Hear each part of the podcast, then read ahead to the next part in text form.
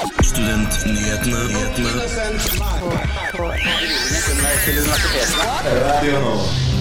SIO svarer ikke på kritikken til reduser husleia. Studenter med funksjonsnedsettelse kan ikke ha frivillig verv ifølge Lånekassens regler for tilleggsstipend. Nå endrer de sin praksis. I går åpnet lesesalene i Oslo, noe som er ett av de få endringene i tiltakene i byen. Press snakker ut om årets Gull-Barbie-utdeling. Og du skal få strømsparetips. Og du får også møte studenten som fikk vise frem sin kolleksjon på København Fashion Week. Hei og velkommen til Studentnyhetene her på Radio Nova denne litt grå og sluddetunge fredagen. Men eh, ikke fortvil, i denne sendingen har vi en rekke spennende saker til deg. Denne sendingen ble spilt inn torsdag kveld med Inga Jakob Feiring og Frida Synnøve Høyås i studio. Men aller først så er det tid for ukas nyhetsoppdatering.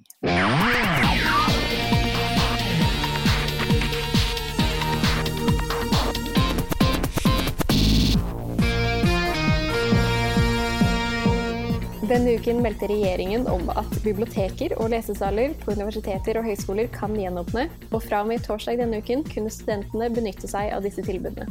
Det skriver VG.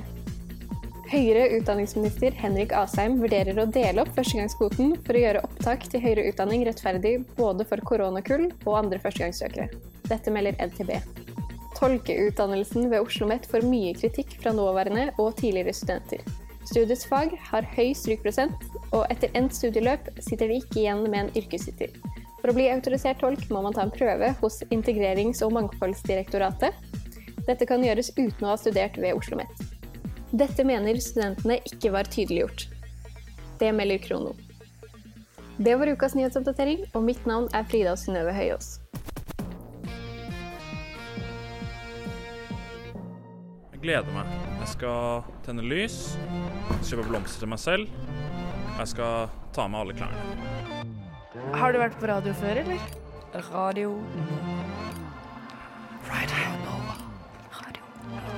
Radio Nova. Vi er nyhetsprogrammet.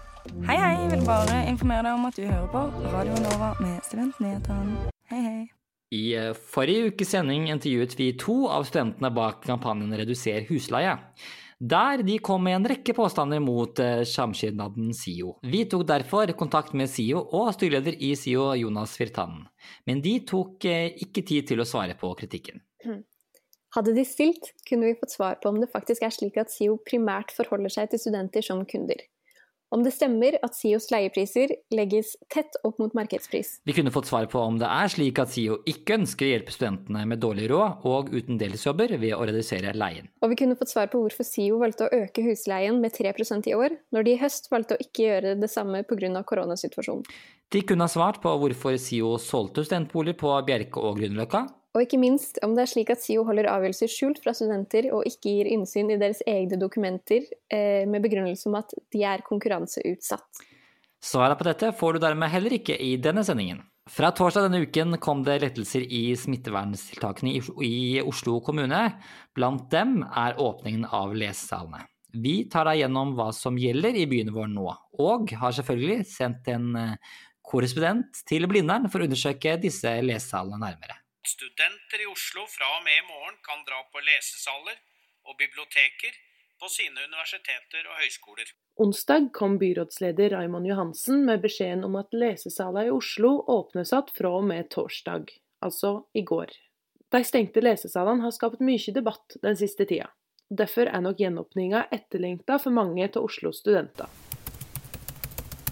Nå er jeg inne på rombestillingssiden på UiO tp.uio.no, logga inn fra klokka eh, ikke ti, det ble litt tidlig. Fra klokka halv tolv til eh, 14. Det er bra nok.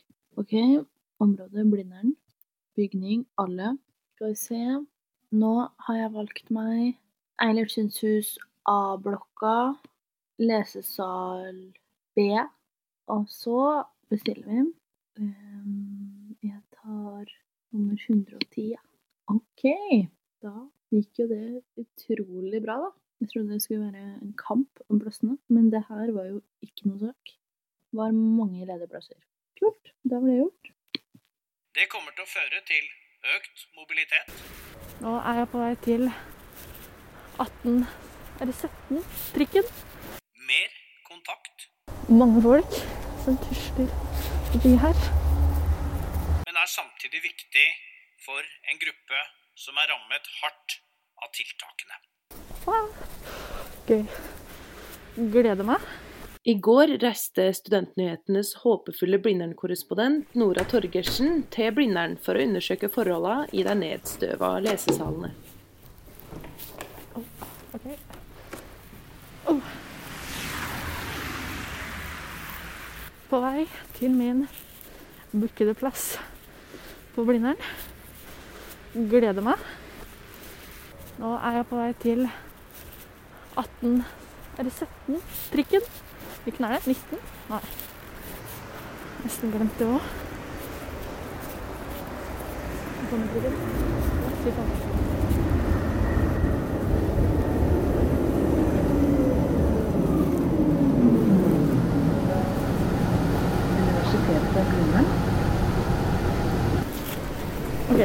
wow. Nå går jeg inn på Blindern. Mange folk som tusler forbi her. Wow. Gøy.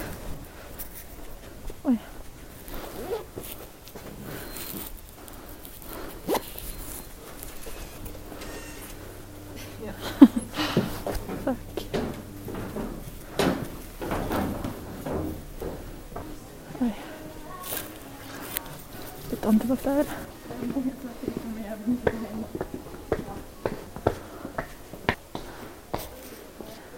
Nå går jeg til plassen min på første gang.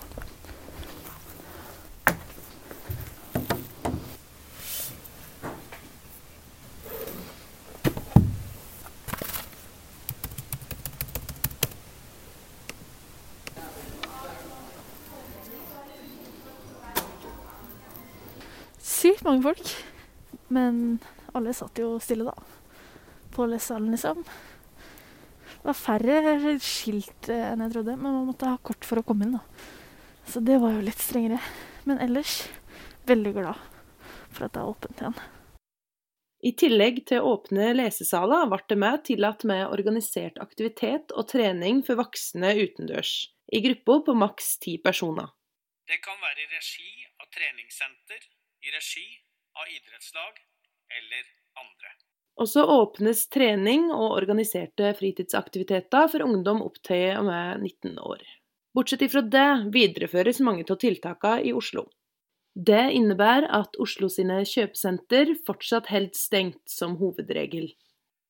Det betyr at serveringssteder, matbutikker, apotek og andre virksomheter på kjøpesenter med unntak kan holde åpent, mens andre typer butikker på kjøpesenter må holde stengt. Utesteder kan fortsatt ikke servere alkohol, treningssentrene må holde stengt, og arrangementer forbys fortsatt. Men uansett, åpne lesesaler er nok en nyhet som mange studenter setter pris på å høre.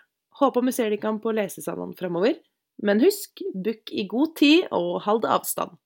Lydklippene er hentet fra Oslo kommune sin pressekonferanse, og reportere i saken det var Nora Torgersen og Mari Ranheim. Studenter med funksjonsnedsettelse har ikke kunnet ha frivillige verv mens de har mottatt tilleggsstipend fra Lånekassen. Vi har tatt en prat med leder av Funkisstudentene om saken. Hvis du har nedsatt funksjonsevne og derfor ikke kan jobbe ved siden av studiene, kan du få et tilleggsstipend på 3834 kroner per måned. For studieåret 2020-2021 er det i underkant av 8400 studenter som mottar tilleggsstipendet ifølge Handikapnytt. Lånekassen har tolka dette regelverket sånn at eventuelt ulønnet arbeid ved siden av studiene må kun forekomme i begrensa grad for å kunne motta dette stipendet. Lånekassen har et eh, eget stipend for funksjonshemmede studenter, og det virker som en veldig god ting som alle kunne sette pris på like. Problemet med den er at den lenge har diskriminert studenter slik at man ikke kunne påta seg verv, frivillig arbeid eh, eller småjobber. Eh, meningen med dette stipendet for funksjonshemmede eh, som går ut på, er det at eh, de som ikke kan ha arbeid ved sine studier pga. sin nedsettelse, da skulle få en kompensasjon for bortfall av inntekt. Eh, problemet med den er at den eh, sidestilte lenge helt dette at frivillig arbeid var det samme som betalt arbeid og det å ha en fast jobb. Det tror jeg vi alle kan være enige om at ikke stemmer. Det å kunne ha en uh, vaffelstekevakt uh, for en hockeyklubb er ikke det samme som å jobbe ni til fire eh, for å tjene nok penger til å leve som student. Denne bestemmelsen har også hindret studenter i å delta i demokratiske prosesser tilknyttet sin egen studiesituasjon. Så dette er en ganske diskriminerende ordning vi har prøvd å belyse at det ikke fungerer. Eh, og det har til og med Henrik Asheim, som er minister, da, sagt at det stemmer, det skal ikke fungere slik. Så på en måte har vi vunnet del av saken allerede. Og det er jo det at eh, skal ikke, Lånekassen skal ikke få lov til å diskriminere funksjonshemmede studenter lenger. Og da er litt av problemet her, som er det interessante. De er enige om at eh, reglene, eller forskriften, sier at eh, frivillig arbeid er det samme som arbeid. At det er feil, da. Men man skal ikke endre regelverket. Og man skal ikke egentlig gi kompensasjon til studenter som ikke søkte stipendet tidligere år, selv om de ikke hadde krav på den, fordi de hadde hørt dette med verv.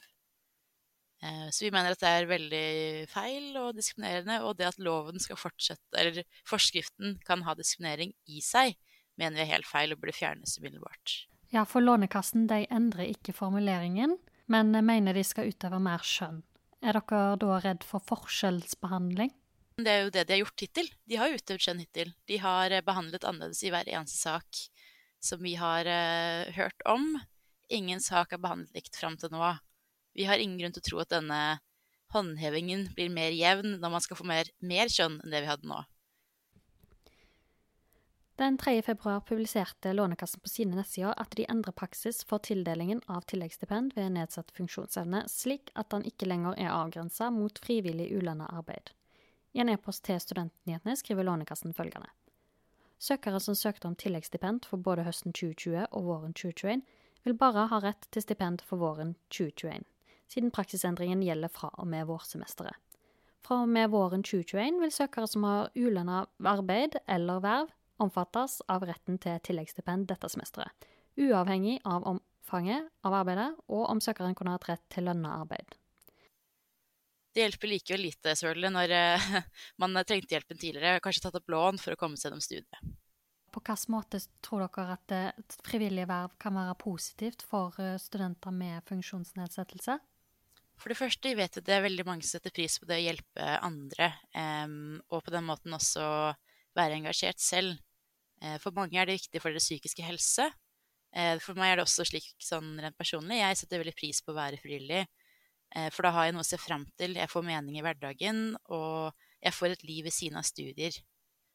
Uten frivillig verv så har jeg ikke samme mulighetene, rett og slett. Og man ender fort opp i en hverdag som blir helt ensartet. Og for oss som har vært ganske isolert siste året i pandemi, har det vært særlig viktig å kunne bidra også dersom man f.eks. ikke har venner i samme byen man bor i, eller bor langt unna foreldre eller familie. Det har vært veldig viktig å ha frivillig arbeid. Men da har vi funksjonshemmede i et år da ikke kunnet delta eh, i pasientorganisasjoner, i eh, fagforeninger har vi kunnet delta, vi har kunnet delta i dugnader, i borettslag i teorien. Eh, det har egentlig ikke vært noen bestemt grense på hva vi ikke fikk lov til, så veldig mange av oss har vært helt restriktive. Eh, hvis man ønsker å engasjere seg i saken, så vil jeg tatt kontakt med oss i Funkisstudentene. Vi driver nå og samler inn informasjon om hva funksjonshemmede har opplevd eh, hos Lånekassen. F.eks. om noen har opplevd diskriminering utover det her. Eh, og dersom du sitter der ute og tenker at shit, jeg har en eh, funksjonsnedsettelse, eh, jeg visste ikke engang jeg kunne søke på dette her, snakk med fastlegen din. dersom du har behov for dette, skal dere to da kunne finne sammen og få til å søke på den ordningen. Eh, fristen går ut i juni, om jeg husker rett, så det er ganske lenge til. Der hørte du leder i Funkisstudentene, Aurora Kobernus. Reporter i saken var Helene Wilhelmsen.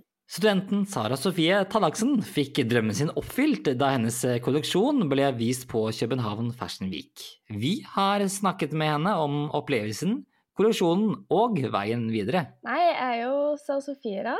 Jeg er 23 år eh, og kommer fra Mandal. Sara Sofie Tallaksen bor i Oslo og studerer for tiden journalistikk ved Oslo OsloMet. Før det studerte hun i tre år på linjen klær og kostyme ved KIO. Avgangsåret har de muligheten til å søke om å få vise klærne sine under København Fashion Week, men Sara Sofie var ikke helt sikker på om hun i det hele tatt skulle søke. Jeg hadde på en måte tenkt på å søke, fordi det er en konkurranse man bare kan være med på når man er avgangsstudent, så man kan ikke søke liksom et år seinere, f.eks. Men jeg var litt sånn ah, jeg vet ikke Jeg hadde ikke så veldig mye selvtillit på prosjektet, så egentlig så hadde jeg lagt det fram meg, typ. Og så var det sånn en halvtime til fristen gikk ut, og så var jeg sånn Ja, men det her er jo den eneste gangen jeg kan gjøre det. Jeg kommer til å bli sint på meg selv hvis ikke jeg bare slenger noe. Så det var liksom sånn en halvtime før fristen gikk ut. Det var bare helt teksa, så jeg klarte å kanskje levere det sånn fem minutter før fristen gikk ut, da. Eh, og det er jeg sykt glad for nå. og det er ikke rart at Sara Sofie er glad for at hun sendte inn sin kolleksjon likevel. For den ble valgt ut til å være blant de ti kolleksjonene som skulle vises. Jeg hadde virkelig ikke noe forventning eller på en måte sett for meg at det kunne bli med, egentlig. Jeg husker jeg satt her og holdt på med skole og liksom eh, hadde fått en mail av de, og da tenkte jeg bare sånn ja, ja, OK. Og så står det liksom sånn gratulerer, du skal være med. Og da bare ble jeg sånn der Jeg gikk bare rett Jeg tror jeg sa sånn å, herregud. Og så bare gikk jeg inn på rommet, og kjæresten min var sånn Hva skjedde nå? Hva skjedde nå? Jeg bare Nei, jeg vet ikke, jeg kan ikke snakke nå. Jeg ble helt sånn der eh, Hva skal jeg gjøre nå, liksom? Kolleksjonen hennes er laget av gjenbrukte plagg som hun har funnet på Finn. Dette var en idé som kom etter at koronarestriksjonene kom til Norge og skolen stengte ned. Og det var jo da jeg liksom bestemte meg for å, for å jobbe med brukte plagg, da. Eh, Istedenfor å bruke nye materialer. Det var liksom kom etter det, for jeg følte liksom at OK, jeg trengte på en måte noe som gjorde prosjektet mitt litt viktig. Eh, ettersom at jeg følte at OK, nå skjer det så mye sykt her, og så skal jeg liksom sitte og lage klær, på en måte. Kolleksjonen hennes er inspirert av oppveksten hjemme i Mandal, og hun kombinerer elementer fra barndom og kulturarv ved hjelp av gjenbruk for å skape en slags symbiose. Eh, og så var det jo å finne plagg eh, jeg, snakker jo mye i oppgaven min om på en måte den der tilhørigheten og barndommen, om, om det egentlig å bli voksen. Eh, så da fant jeg jo på en måte plagg som jeg følte passa til min tematikk, og det ble jo liksom barne-T-skjorte, som er veldig sånn herre eh, klisjé-barndom, og liksom mer sånn herre racecar og band-T-skjorte som var litt sånn derre det rebelske og ungdom, ungdommelige. Eh, jeg var i hvert fall ganske sånn emo-rocker in my teenage years. Eh, og så liksom den eh, tradisjonelle strikken, da, som snakker mer om sånn noe sånn større linje i tradisjonell norsk håndverk og verdi, og det er liksom noe alle kan kjenne seg igjen i. Um, så da var jo oppgaven egentlig å gjøre noe med de plaggene for å liksom vise den, den samme type transformasjonen av et, av et plagg som man kanskje har når man når man vokser opp og skaper sin egen identitet. Da. Man tar liksom med seg litt fra mange steder og finner seg sjæl, på en måte. Om veien videre har hun følgende å si. Jeg hater det spørsmålet. For jeg blir veldig forvirra sjøl. Eh, som sagt så hadde jeg jo ikke, hadde jeg jo ikke forventa å skulle være med. Og, og eh, nå studerer jeg jo journalistikk, ikke sant, så det er jo litt sånn der eh, Hva vil jeg, hva skal jeg? Og jeg har jo fått eh, kjempebra respons på å vise det på eh, København Fashion Week, så jeg har jo veldig lyst til å videreutvikle konseptet, og jeg tror det er noe veldig mange kunne vært interessert i, da. Eh, det med regenerering eh, og, og, på en måte gjøre det i et mer sånn designperspektiv, da. Fordi man har jo mye sånn syom og sånn, eh, som handler om å gjøre ting selv, men hvis man har en designer som regenererer, så kan man kanskje få produktene også til et annet nivå, da, tenker jeg, i forhold til uttrykket. Eh, så jeg, har, jeg, er veldig tankeboksen eh, på åssen jeg har tenkt å gjøre det, og med tanke på studiet og alt sånn, men det har gått litt, eh, litt kort, kort, tid, da. Der hørte du Sara Sofie Tallaksen, reporter i saken. Det var Frida Synnøve Høyås.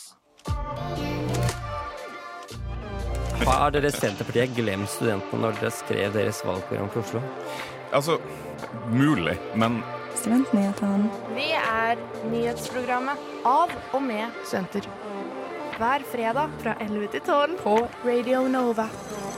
Press, Redd Barn og Ungdom deler årlig ut Gullbarbie til den reklame- og medieaktøren som får ungdom til å føle seg verst, basert på tre kriterier.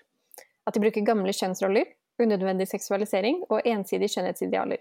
I Studentnyhetenes debattprogram Emneknaggen snakket reporter Stig Gjøran Skogvang med Maja Egge fra Press for å høre om hvorfor Sofie Elise AS fikk årets Gullbarbie, og for å få vite mer om deres syn på den intense debatten rundt akkurat årets utdeling. Hvorfor ble det akkurat Sofie Elise som vant i år?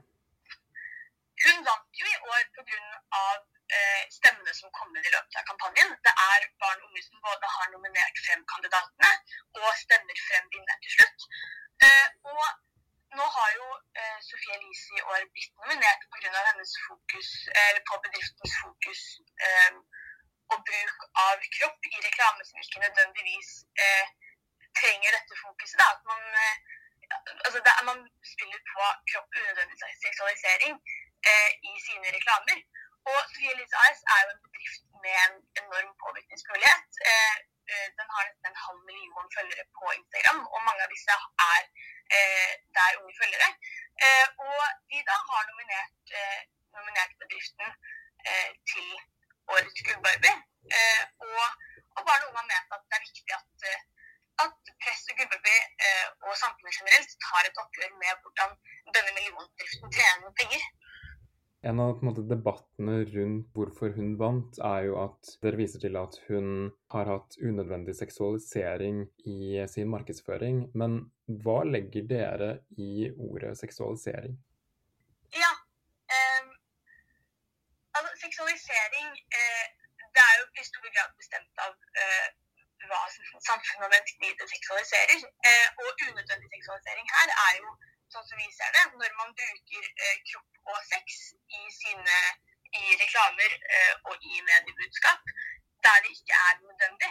Eh, det er stor forskjell på å vise kropp når det har en funksjon og når det har noe for seg, eh, kontra det å, å vise kropp eh, når, det på, når det på ingen måte er nødvendig. Eh, og det er jo det vi ønsker å belyse, eh, i hvert fall med tanke på Sofie Elise S. Og noe vi og, og de som har nominert denne bedriften, ser på eh, som et problem da, innenfor denne bedriften. Så angående avstemningen i år, så har det jo spesielt vært også diskusjoner rundt om det er nettopp barn og ungdom som har stemt inn forslaget. Hva tenker du om det, og er det eventuelt noe som dere muligens tenker å gjøre annerledes til neste år?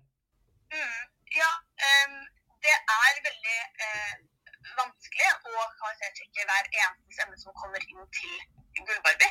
Eh, og man har ingen eh, bankete man må ikke identifisere seg når man stemmer på Gullbarbie. Eh, men eh, man har muligheten til å fjerne folk som stemmer dobbelt, f.eks. ved å spore IT-adresser. Og vi ser det ikke som hensiktsmessig å lage en bank-ID-løsning, f.eks. For fordi at det i praksis vil fjerne stemmeretten i Gullbarbie fra barn og unge. Nettopp de som vi har lyst til eh, at skal stemme på denne prisen. Eh, og Derfor må eh, man oppfordre til å legge godvilje til å si at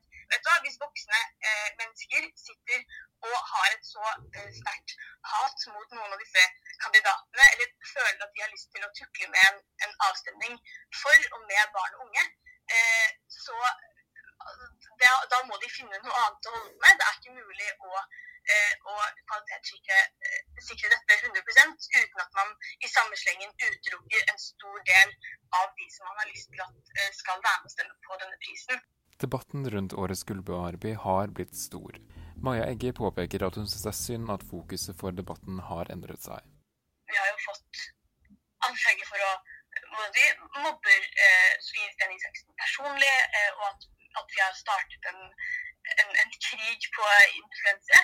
Eh, og det er jo litt synd at debatten har blitt sånn, fordi at det har jo tatt fokuset veldig vekk fra det vi prøver å belyse. Eh, vi har lyst til å, å vise frem eh, reklame- og medieaktører som barn og unge mener spiller på sex, og gammeldagse skjønnsroller for å selge produkter eh, til barn og unge. Eh, og spesielt eh, når en av kandidatene får såpass mye oppmerksomhet og er, er den som ja, virkelig har fått stått mest i ilden i løpet av denne kampanjen her, så tar man jo fokuset vekk fra både de andre kandidatene og, eh, og den viktige debatten som en helhet. Da. Og det er jo ikke, det ikke gunstig når vi faktisk prøver å, å skape en endring generelt i samfunnet, ikke bare nødvendigvis med disse tre eh, aktørene som har blitt eh, nominert eh, i år. Der hørte du altså Maja Egge fra Press, Redd Barn og Ungdom. Reporter i saken var Stig Gøran Skogvang. Resten av Emneknaggen-episoden kan du høre der du hører podkast. Kaldt vær, lite vind og lite nedbør har ført til høye strømpriser over hele Norge, spesielt i Oslo. Mange studenter opplever strømregninger på flere tusen kroner mer enn vanlig. Men hva kan du gjøre for å spare strøm? Vi har spurt eh, Kim Arne Hammelstad fra strøm.no. Og for å vite hvordan du kan spare penger på strøm, må du først vite når strømmen er dyrest.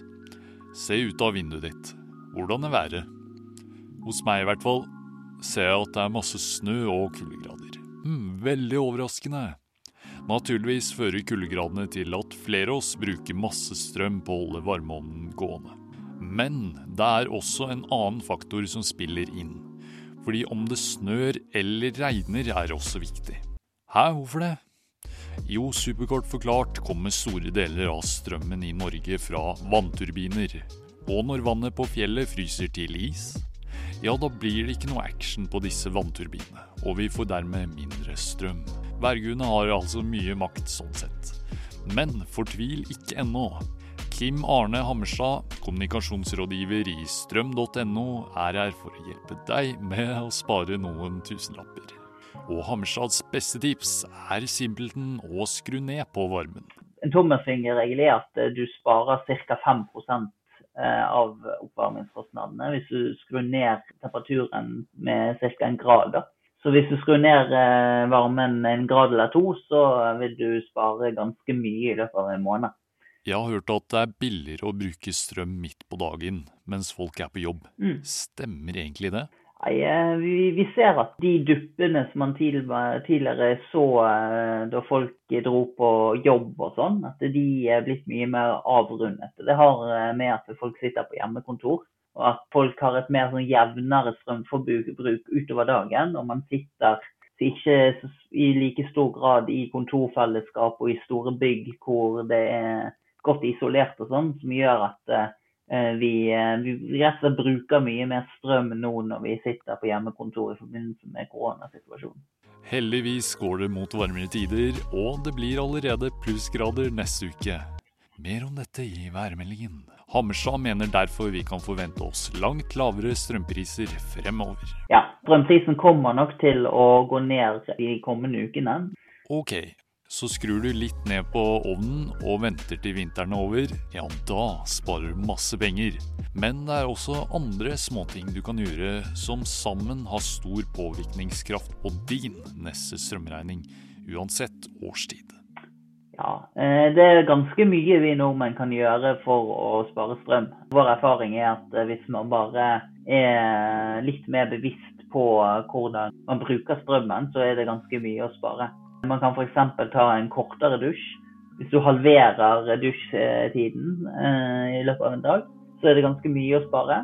Du kan eh, fylle opp eh, enten vaskemaskinen eller oppvaskmaskinen. Istedenfor å kjøre en halv vaskemaskin f.eks., så fyller du den helt opp. Og hvis du da i tillegg bruker ekofunksjonen, så vil du spare ganske mye penger på det. Hvis du skal tine opp noe mat fra fryseren, så istedenfor å la det ligge på kjøkkenbenken, så kan du uh, legge det i kjøleskapet. Da utnytter du den kalde temperaturen i det du tiner til å kjøle ned kjøleskapet, som gjør at du vil bruke mindre energi på selve oppvarmingen. Eller ja, det å kjøle ned eh, kjøleskapet. Eller så kan man også bruke eh, lokk på kjeler når man varmer opp mat. Det er også lurt å bruke f.eks. en eh, steikepanne som har riktig størrelse. Så hvis du bare lager mat til deg sjøl, så kan du kanskje klare deg med en liten steikepanne. Og når du har mindre, mindre areal som skal varmes opp, så bruker du også mindre energi. Og uansett om du har mye penger på bok, så bli med og gjør det for miljøet. Ok, gode råd og tips der altså. Eh, sett mat som skal finnes i kjøleskapet for å bidra til kjølingen. Tusen takk for intervjuet, kommunikasjonsansvarlig for strøm.no, Kim Arne Hammelstad. Reporter i saken, det var Samuel Berntsen.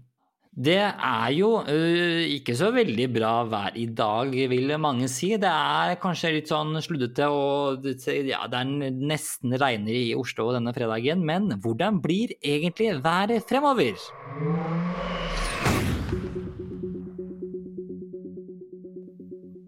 Ja, for nå har det jo vært kaldt en stund, eh, men denne helga blir det endelig mildvær. Og det betyr at vi vil oppleve noe slaps og dårlig føre. Eh, I dag, fredag, blir det tre varmegrader og nedbør i form av regn og sludd. Lørdag får vi fire varmegrader og mer regn, men søndag får vi hele seks varmegrader og oppholdsvær, altså perfekt utevær. Det melder Ryr.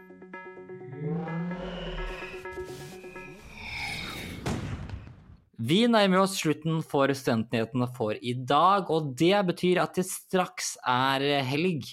Og skal du noe gøy i dette slapsete været vi får i helgen, Frida? Jo, jeg eh, skal jo ut og levere pizza da, i slapsen, så det gleder jeg meg til. Men utover det så skal jeg spille Sims, for jeg har nettopp kjøpt meg Sims 4. Eh, og det er alt jeg gjør. Hva med deg, Dengar? Du, jeg skal uh, sette meg foran TV-en og uh, få med meg finalen i Melodi Grand Prix. Det blir jo spennende å se hvem som vinner der.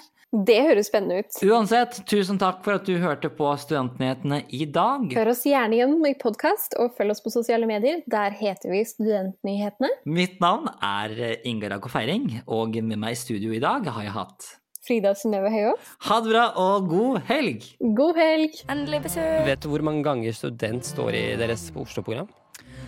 Det har jeg nok eh, ikke talt opp, eh, men jeg antar at dere har. Vi er nyhetsprogrammet av og med studenter. God studentpolitikk er god eh, fremtidspolitikk. Har du vært på radio før, eller? Har dere Senterpartiet glemt studentene når dere skrev deres valgprogram for Oslo? Altså, mulig. Vi er på radioen din. Og på podkast. Aldri lenger unna. Og spør om Peter. Hei, hei. Jeg vil bare informere deg om at du hører på Studentnyhetene. Det er jo tydelig at noen har lagt merke til hva jeg har holdt på med, og at eh, hvis det har gjort en bitte liten forskjell et eller annet sted, så er jeg veldig glad. Det er det viktigste for meg. Hver fredag fra 11 til 12 på Radio Nova. Hør på oss. Jeg hadde ikke gjort det.